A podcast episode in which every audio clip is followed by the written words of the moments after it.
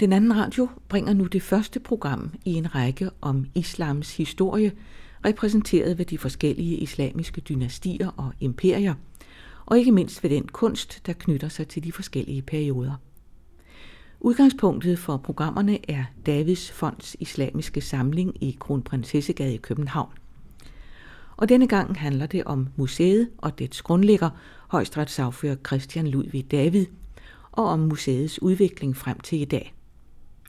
Seriens tilrettelægger Birgitte Rambæk taler med direktør Kjeld von Folsak. Direktør Kjeld von Folsak, øh, vi sidder i dit kontor i Davids samling i Kronprinsessegade i København med udsigt ud over kongens have. Det er næsten den samme udsigt, som manden bag Davids samling, altså højstretssagfører Christian Ludvig David, kunne nyde. Hvem var han? Ja, hvem var David? Det er et godt spørgsmål. Der øh, kan tales om det i dagvis, men øh, du vil nok have et hurtigt svar. C.L. David er født i 1878 og dør i 1960.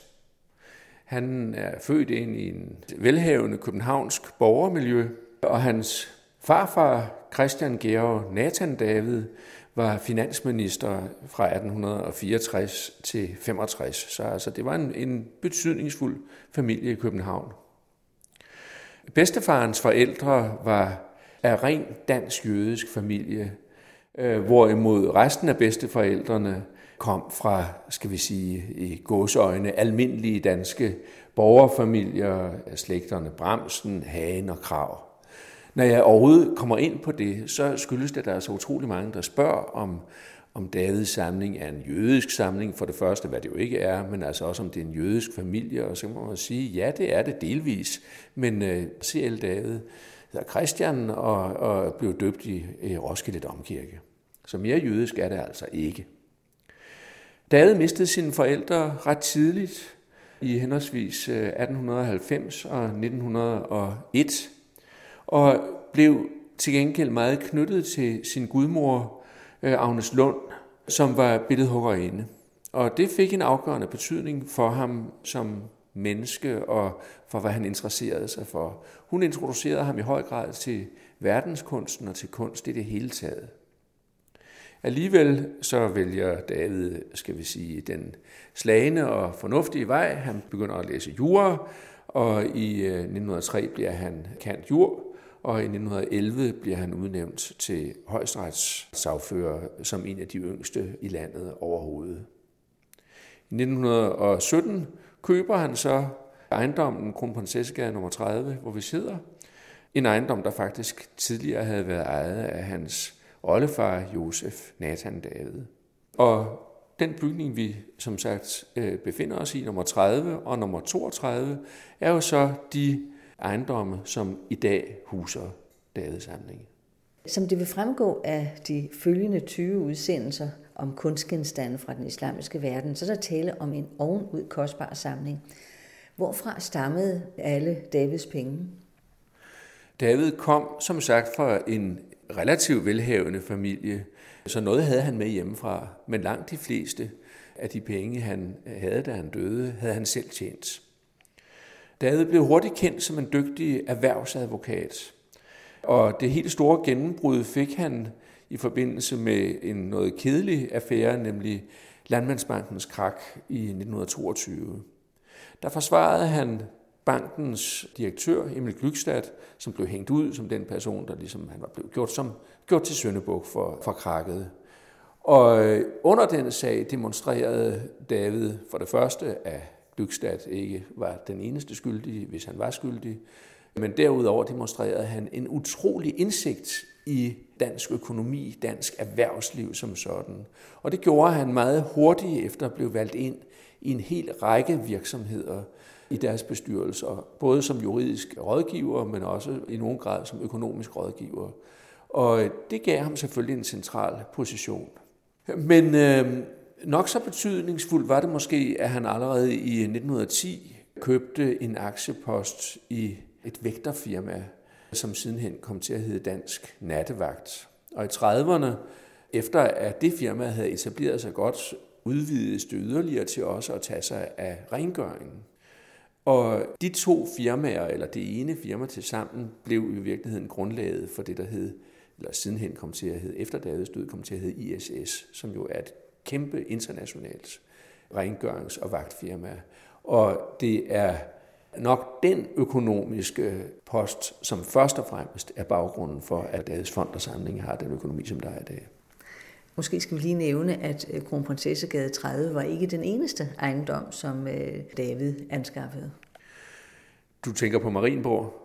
Ja, David købte i 1934 øh, Øh, Marienborg ude ved Bagsværsø som et landsted.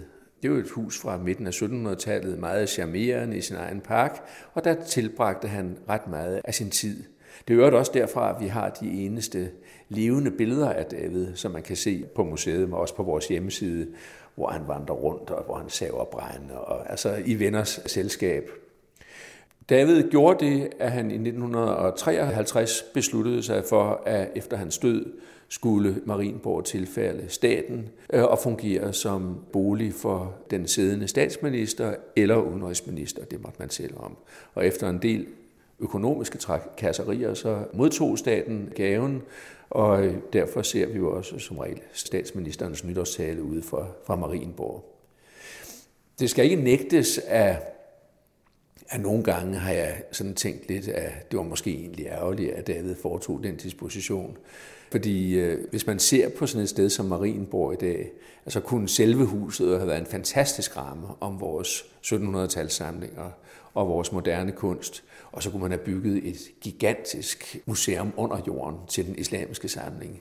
Men det var ikke til at forudse i den tid. Altså, der lå ingen museer uden for, for byen dengang. Altså, Louisiana eksisterede ikke, og i hvert fald slet ikke på den måde, som det gør i dag. Der var ikke den bilisme, der gjorde det naturligt at lægge Davids samling derud. Og nu er vi glade og godt tilfredse med at være, hvor vi er.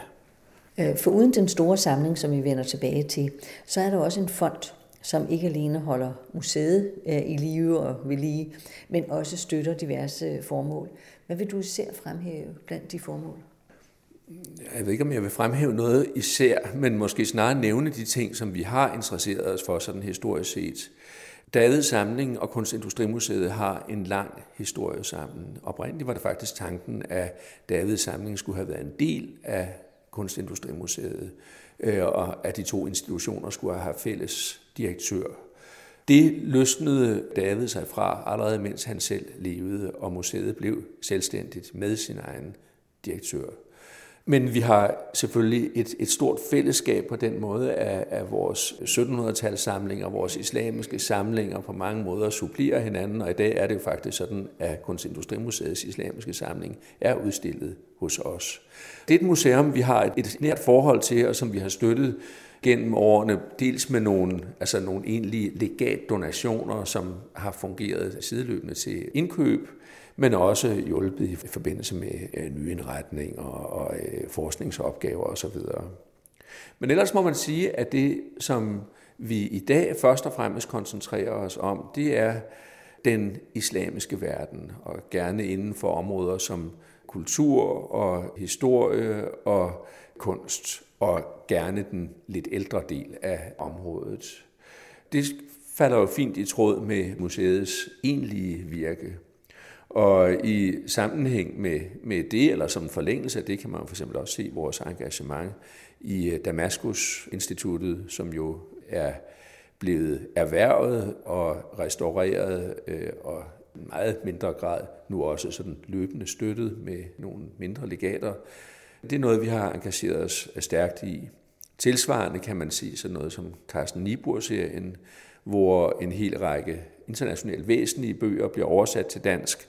Sådan så man kan sige, viden om islamiske forhold bliver spredt ud til den danske befolkning.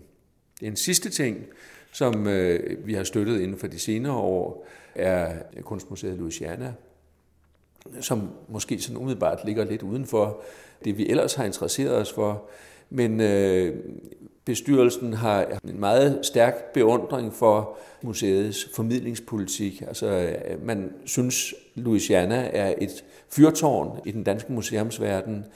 Også et fyrtårn, som på en eller anden måde øh, kan forbindes til en institution som vores. Altså, det er begge to institutioner, der kommer ud af et privat initiativ, og øh, vi synes måske nok som en slags lillebror, øh, at det, vi begge er også er institutioner, der gør en forskel, og det har altså gjort, at, at bestyrelsen har besluttet at, at, at støtte Louisiana så substantielt, som vi gør for øjeblikket. En ting er at have arvet mange penge, og derefter selv at have tjent mange penge, og ikke at have investeret dem i kvinder og børn, for han havde jo hverken det ene eller det andet efter sine. Noget andet er at finde dygtige administratorer, som har kunne bære såvel museum som fond trygt igennem diverse kriser. Hvordan har I sikret jer det? Ja, det er måske ikke helt enkelt at svare på, men øh, uh, selv Dades Fond og Samling arver Dades formue. Men David er faktisk forbløffende liberal i den fundat, som han, skal vi sige, efterlader sine efterkommere. Øh, og det eneste, han egentlig skriver om økonomien, det er, at en vis opsparing er tilrådelig. Det er sådan ordene, som han, han bruger. Og øh, man må sige, at både mine forgængere og i allerhøjeste grad altså øh, siddende bestyrelser har opfyldt det øh, punkt til fulde, fordi øh, der er jo købt som du ved, altså utrolig meget kunst til Davids samling efter Davids død. Der er købt en bygning til. Huset er øh, i standsat og moderniseret nu her for mange penge. Og der er mange andre institutioner og forskningsinstitutioner osv., der nyder godt af legater løbende, og alligevel er fondens formue på over en milliard kroner i dag. Så man må sige, at, den er blevet godt forvaltet. Der har jo siddet utrolig mange dygtige øh, mennesker i øh, Davids bestyrelse gennem øh, tiden, men der er vel næppe nogen, der vil blive fornærmet eller tage mig ilde op, hvis jeg specielt fremhæver vores øh, nuværende formand, Erik Hofmeier, som faktisk har siddet i bestyrelsen siden 1967, og som har været formand siden 1977. Men det vil sige, at altså, han har faktisk virket i museets bestyrelse i omkring 44 år. Og det mener jeg absolut, at jeg vil kunne sige, at fonden har nyt overordentligt godt af. Som en yderligere fremtidssikring på det økonomiske plan kan jeg nævne, at CL Fond og Samling øh, siden 2006 har fået ansat en finansdirektør, det vil sige altså en person, som 100% koncentrerer sig om fondens økonomi. Det er jo selvfølgelig en meget stor gevinst at have en person, som fulltime arbejder med det her felt. Så vi burde være sikret for fremtiden. Nu kunne jeg forestille mig, at du som direktør for Davids Fond og Samling er mere interesseret i at tale om museet og dets samlinger end om penge. Så lad os høre, hvordan først og fremmest den islamiske samling er blevet så stor og betydningsfuld, som den er. For det var jo ikke tilfældet, da C.L. David døde i 1960. Nej, det var ikke tilfældet. Og jeg kan ikke sige, at der er sådan et bestemt tidspunkt, hvor man skifter over?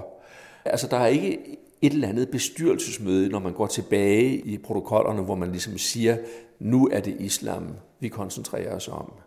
Men det lå helt klart i kortene fra begyndelsen af, at der egentlig var mening i at styrke samlingen i et område, som var dårligt repræsenteret i Danmark og sådan set i resten af Skandinavien, nemlig det islamiske, og til gengæld måske i mindre grad arbejde med de to andre samlinger, som var på museet på det tidspunkt, nemlig 1700-talssamlingerne og Davids danske samtidskunst. Museets første direktør, André Let, som fungerede fra 1962 til 85, var meget interesseret i det islamiske var også interesseret i 1700-tallet. Og i hans periode kan man sige, at den islamiske samling spredte sig ud og blev meget mere omfattende, også materialemæssigt, end den var øh, ved Davids død. Og så afrundede han de europæiske samlinger. Altså han øh, både alene, men også i samarbejde med en række andre øh, danske kunsthistorikere, fik han afrundet samlingerne af Mejsen og, og øh, sæverporcelæn, engelske møbler og, og den slags. Hvorimod den danske samling faktisk gik lidt i glemmebogen. Den blev i første omgang øh, sat på magasin, og så sidenhen, da jeg kom til, blev den deponeret på andre museer og først nu her i forbindelse med ombygningen er den kommet tilbage igen. Hvad var det, C.L. David selv havde interesseret sig øh, særligt for? Altså, David interesserede sig i begyndelsen i virkeligheden for sin egen samtidskunst. Og det var kunstnere som øh, Hammershøj, Willumsen, Philipsen og Fynboren og så videre. Hans interesse startede med, at han ønskede at have, have nogle malerier på væggene, noget som vi jo alle sammen kender. Ikke? Men så kommer han meget hurtigt ind på at interessere sig for 1700-tallet. Og meget typisk for perioden, både 1700-tallets kunst, men i virkeligheden først og fremmest nok 1700-tallets kunstindustri og kunsthåndværk. Ja, det var jo altså, de store porcelænsfabrikker, som har deres øh, storhedstid i, i, i den periode. Det var franske møbler, engelske møbler, tyske møbler. Vi har jo en fantastisk samling af røntgenmøbler, David Røntgenmøbler, som først og fremmest er samlet af David, købt af ham i Berlin på auktionerne efter Ruslands sammenbrud. Dertil kom så en lille samling islamisk kunst, som egentlig mest var koncentreret om det keramik, og så lidt tekstiler og tæpper. Hvor havde han fået øje på det henne? Vi ved det ikke med sikkerhed, men traditionen vil, at det skyldtes Kunstindustrimuseets højt begavede direktør øh, Emil Hanover. Altså det var under Hanover af, af Kunstindustrimuseets venneforening for alvor øh, slå an. Og han havde en politik med, at han forsøgte at få en række af de store, væsentlige københavnske samlere til at interessere sig for øh, mere specifikke områder. Ole Olsen, ja, han kunne godt finde ud af det selv, samlede på europæisk kunst, og øh, der var en læge, der hed Øjgaard, som interesserede sig for kinesisk kunst, og David skulle altså så spores ind på den islamiske kunst. Det lykkedes også i nogen grad, men øh, jeg ved ikke rigtig, hvor meget der er fakt, og hvor meget der er skrøne i den historie. Faktum er det i hvert fald også, at efterfølgende direktører for Kunstindustrimuseet diskuterede i de her områder med David. Og Wilhelm Sloman for eksempel var meget interesseret i Mellemøstens kunst også. Øh, en person som Vagn Poulsen, der øh, sad på biblioteket, interesserede sig for det. Sjovt nok, altså på sine gamle dage, øh, der prøvede for eksempel Varm Poulsen, som sad i bestyrelsen, Øh, flere gange at få David til at købe noget islamisk metal. Altså der var en, en bronzeløve for eksempel, som, som han interesserede sig for. Men det ønskede David ikke. David ønskede ikke at sprede sig ud over tekstilerne og, og keramikken. Og der må jeg sige, at der sker der et markant skift efter Davids død. Altså der vælger man faktisk at koncentrere sig om det islamiske. Og det er jo et skift, som øh, på mange måder jo dengang formodentlig var baseret i et ønske om at koncentrere sig om noget, som ellers ikke blev indsamlet, altså et stykke verdens kunst, som ikke rigtig blev dyrket i Skandinavien, men jo så samtidig noget, som man unægteligt må sige har fået en aktualitet, som man ikke kunne have tænkt på dengang. I det, at vi har jo meget store dele af befolkningen, som kommer fra, fra den del af verden i dag. Og i dag kan man i hvert fald sige, at den islamiske samling er museets vigtigste. Hvor vil du placere samlingen sådan på en global rangliste? Det er jo ikke helt enkelt at sammenligne museer, fordi de enkelte museer har jo forskellige styrkepunkter og har også forskellige profiler. Altså typisk kan man sige, at en række af de gamle, jeg havde nær sagt, imperiale museer, altså som det i Berlin, London og Paris og St. Petersborg, jo i høj grad er knyttet til de områder, hvor de havde kolonier og hvor de havde interessesfærer. Og der er de selvfølgelig meget stærke. Men jeg vil sige, at vi hører absolut til blandt de 10 betydeligste vestlige samlinger i dag. Og det er jo så museer som Louvre, British Museum, Victoria Albert Museet, Museum for Islamiske Kunst i Berlin, Hermitagen, Metropolitan, Fria Sackler, LA County, måske Benaki i Athen og måske Gulbenkian i, i Lissabon. Og for nu at sige det på jysk, så, øh, så er vi ikke det ringeste af dem. Det er vanskeligere at sammenligne et museum som Davids samling med de store museer i Mellemøsten, fordi hvad der karakteriserer dem er, at de meget ofte koncentrerer sig om deres eget område, altså lidt som Nationalmuseet gør det i, i Danmark, og derfor selvfølgelig stærke i deres eget område. Altså et fantastisk museum er jo det islamiske museum i Cairo, Topkapi og Tyrk ved Islam Museet i, i Istanbul har jo til sammen igen fantastiske samlinger, og sådan ligger der fine, mere fokuserede samlinger i Mellemøsten. En undtagelse er måske de nye museer, som i højere grad minder om de, om de vestlige, nemlig dem i Katar og i Kuwait, som igen har meget, meget fine, bredt funderede samlinger. Kjeld von Folsak, du har nu været direktør for museet i over 25 år, og det er jo netop i din tid, at museet er blevet voldsomt udvidet og renoveret eller moderniseret, hvad man vil kalde det. Hvad har du især lagt vægt på som øh, museumsdirektør? Jeg vil sige, fokus har jo nok skiftet lidt i løbet af de år, hvor jeg har været der. I begyndelsen brugte jeg utrolig meget tid på, sammen med bestyrelsen naturligvis, at styrke den islamiske samling og bringe den op på et internationalt niveau. Hvor samlingen var meget uegal tidligere, både kvalitetmæssigt, men også geografisk set, der er det lykkedes i dag at få museet til at fremstå med en samling, som på overbevisende vis kan demonstrere øh, både en kronologisk udvikling, altså fra mere eller mindre profetens tid, men, eller 7. århundrede, 7. og 8. århundrede, og så frem som omkring 1850. Og samtidig i det der, øh, skal vi sige, geografiske spektrum, som hedder øh, Spanien i vest til Indien i øst. Vi har så fået skabt, hvad man kan kalde en encyklopædisk samling. Her i de senere år, og jeg vil da ikke sige andet end det har der været lige ved at tage livet af os ind imellem, har vi jo brugt rigtig mange kræfter på ny opstillingen og udbygningen af museet. Og øhm, da vi åbnede i 2009, må man sige, at vi åbnede med et museum, hvor formidlingen i høj grad er kommet i, i fokus. Altså der er uanede mængder af tekster. Der er hele vores møntsamling, som er sat ind i en, skal vi sige, en moderne teknologi i samlingen. Der bliver gjort øh, meget ud af Øh, formidlingen, ikke bare på museet, men også for eksempel på vores hjemmeside, i vores publikationer. Vi har startet, altså vi har både kataloger, men også en videnskabelig serie, som har kørt i nogle år.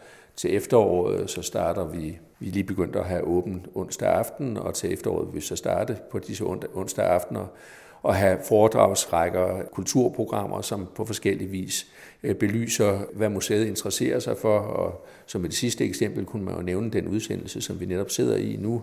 Altså, øh, det er jo også noget, som om ikke var utænkeligt før i tiden, så er det i hvert fald ikke noget, som vi har gjort særlig meget ud af. Så der er gjort rigtig meget, og vil også i fremtiden blive gjort rigtig meget for formidlingen. Og det hænger jo selvfølgelig også sammen med en anden ting, og det er i de første mange år herinde, der var der jo en akademiker, nemlig mig. Ikke? Altså, I dag er staben jo voldsomt øh, udvidet, og vi har netop i disse dage vil vi ansætte en kommunikationsmedarbejder, som simpelthen målrettet skal arbejde på at få det glade budskab bedre ud til en bredere del af befolkningen. Hvis vi så ser på, hvordan det rent praktisk foregår, altså hvordan går det for sig, når I skal anskaffe en ny genstand? Ja, øh, altså igen, historisk set var det jo sådan, at altså, da jeg var alene, så var det jo mig, der fulgte med i kunstmarkedet, og øh, jeg havde nær sagt, at kunstmarkedet fulgte, fulgte med i mig. Altså jeg øh, blev orienteret, meget ofte orienteret om, øh, hvis der var spændende ting øh, til salg. Dem prøvede jeg på at vurdere så godt jeg nu kunne, og lagde en prioriteret liste frem, som så blev diskuteret med øh, bestyrelsen og i mange tilfælde med min formand. Og øh, i senere tid, nu hvor vi er blevet flere mennesker på, på instituttet, og hvor jeg har fået øh, flere inspektører, så diskuterer jeg jo tit erhvervelser med, med dem, inden jeg går videre til bestyrelsen. Men det er stadigvæk mig, der som direktør har den indstillende kraft. I forhold til øh, mange af de institutioner, som Davids samling kan sammenligne sig med, altså inden for det her specifikke område, nemlig erhverv ting, øh, har vi været heldige stillet på den måde, at der har været en meget kort vej fra skal vi sige, direktør, indstillende funktion til den besluttende funktion, nemlig øh, bestyrelsen. Og det vil sige, at vi har meget ofte kunnet reagere inden for altså ganske få dage, når en tilsvarende ting bliver for eksempel tilbudt Metropolitan Museet, så er der først en langt, langt mere omstændelig behandling, skal vi sige, på det akademiske plan, hvor ting skal diskuteres øh, mellem de forskellige afdelinger og så videre. Hvordan prioriterer det? Er det nu islam, der skal have i år, eller er det nyere øh, europæisk malerkunst og så videre? Og så skal det for bestyrelsen, og så skal der findes donatorer, og det ene med det andet. Og det har stillet os utrolig stærkt, fordi kunsthandlerne vidste, at hvis de gik til os, så ville de kunne få et svar meget hurtigt. Det tror jeg har været en af hemmelighederne bag den forholdsvis store succes, vi har haft med at erhverve væsentlige ting til museet. Du er selv kant fil i historie og magister i kunsthistorie. Betyder det, at du selv er i stand til at vurdere, når du står over for noget, som er unikt og som er ved at anskaffe til museet? Altså en grundig akademisk uddannelse skader jo ikke. Og, og det er jo klart, at på universitetet får man jo en hel række redskaber, som øh, er væsentlige for at kunne bestride en stilling som den her, som på et, altså et hvilket andet museum. Det betyder selvfølgelig også utrolig meget, at man i løbet af sin studietid har rejst meget, har været på uendelig mange museer, og det er jo selvfølgelig en proces, som fortsætter livet igennem. Altså lige så snart jeg er ude og rejse, så er jeg jo på museer og bruger mine øjne. Men jeg vil sige, at bedømme kunst kræver altså også en eller anden form for fingerspidsgefyl, en fornemmelse for tingens autenticitet osv. Det betyder ikke så meget, hvis man skal beskrive Mona Lisa, men, men hvis man skal ud og købe Mona Lisa og vælge hende blandt 32 andre billeder, så betyder det altså noget, at man, man har en eller anden form for fornemmelse for øh, tings bonitet og ja, erfaring simpelthen. Har du nogensinde taget fejl? Ja, selvfølgelig har jeg det. Når man køber så relativt mange ting, som vi har gjort på det her museum, så må der optræde fejltagelser. Og man kan måske dele dem ind i to kategorier. Altså man kan ramle ind i det, skal vi sige, lidt ulykkelige, at man kommer til at købe en, en forfalskning. Og der må man erkende, at kunstmarkedet er jo blevet sådan i dag, at det, og det har altid været sådan, at der er tale om ganske kostbare ting. Og lige så snart der er penge involveret i noget, jamen så er der også folk, der føler sig fristet til at lave forfalskninger. Og vi er i dag, ligesom man også var tidligere, op imod meget, meget dygtige folk. Så ja, jeg har købt forfalskninger. Nogle er så blevet opdaget i tide og leveret tilbage. Andre er blevet opdaget noget senere, hvor vi har fået pengene tilbage. Nogle er opdaget betydeligt senere, og der må man sige, ja, det er altså ting, der går på tabskontoen. Men vi udstiller dem jo i vores forfalskningsgalleri. En anden type fejltagelser, som man helt naturligt begår på et museum, det er, at man køber ting, altså ikke hvor der er noget galt med tingene, men hvor man øh, må sige, at man har ikke vurderet den rigtigt. Altså, kvaliteten er simpelthen ikke god nok. Man har måske ladet sig besnære af en billig pris, eller man har måske ladet sig besnære af, at man lige har set et eller andet tilsvarende, og synes, det minder om det, og, og hvor var det dog smukt, og så sidenhen finder man ud af, at nej, det dur i virkeligheden ikke. Og sådan vil det være i alle samlinger. Nogle gange sker der også det, at man køber en ting, som man synes er fantastisk, og så fire år efter, så ser man bare den ting, som er endnu mere fantastisk. Og så rykker den anden jo ned i hierarkiet. Sådan må det være. Kjeld von Folsak, på hvilken måde har du sat dit øh, personlige præg på samlingen? Jeg tror nok, at man må sige, at, det er jeg jo ikke den rigtige til at, at besvare. Det skal der måske neutrale personer til at, at sige. Men jeg har været i den situation, at jeg er kommet til et museum, som er grundlagt af en samler, som har skabt en fabelagtig samling af 1700-tals ting, som jeg jo sådan set stort set ikke har, har arbejdet med. Så havde jeg en forgænger, en professionel forgænger, André Let, som jo i høj grad udvidede den islamiske samling i forhold til det, som David havde indkøbt. Og han gjorde det måske lidt hurtigt for at stable en samling på benene, som kunne nå et niveau, og der har jeg også haft øh, det store privilegium, at jeg har kunne gå og i højere grad måske at finpudse samlingen og sætte ind, sådan så man fik en mere egal samling. Samtidig har jeg haft det øh, utrolige privilegium, at fonden har ydet langt, langt større beløb til erhvervelser, end man gjorde i de første år, også i de første år, hvor jeg selv var direktør. Og det har jo gjort, at man har kunnet købe ting af meget høj karat. Så jeg vil sige, at det museum, jeg engang kommer til at aflevere til mine øh, efterfølgere, synes jeg på mange måder er et museum, som har en ret høj æstetisk kvalitet, samtidig med, at det er en, en solid samling, der viser et bredt og, og velfunderet billede af den islamiske kultur. Og det er jeg da selvfølgelig glad for. Nu sagde du, at øh, Davids Fond og Samling har givet flere penge til anskaffelser. Hvad er den dyreste kunstgenstand, du nogensinde har anskaffet til museet? Ja, den dyreste genstand er utvivlsomt det elfenbindskring, vi købte for nogle år siden, øh, som stammer fra Umayyadernes Cordova fra 960. Det tilhører en gruppe kunstværker, som jeg aldrig nogensinde havde drømt om, at vi kunne få til museet. Jeg vidste faktisk ikke, at skrinet eksisterede, selvom det har været oppe øh, på auktion en gang i 50'erne. Men det til, det hørte altså Rothschild-familien. Det kom utvivlsomt frem til salg, fordi markedet pludselig var meget, meget stærkt. Og ikke mindst museerne i Katar og Kuwait købte voldsomt ind. Og så kom det her frem. Og der lykkedes det altså også at erhverve en, en, en virkelig klassisk perle til museet, men det måtte vi også betale for. Hvor meget? Det vil jeg ikke fortælle dig. Den islamiske samling går frem til det 19. århundrede, altså til ca. 1850.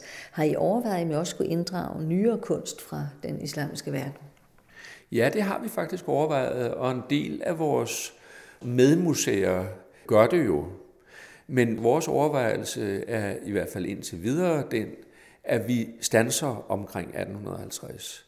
Og det gør vi ud fra det synspunkt, at efter den tid bliver den europæiske påvirkning voldsom i Mellemøsten, også i Indien og, øh, og så videre. Og der er i hvert fald en lang periode, hvor man må sige, uden at fornærme nogen, at den lokale islamiske kunst bliver en slags epigoneri. Ikke? Altså, der bliver små Picasso'er og små Dali'er og så videre overalt i den islamiske verden.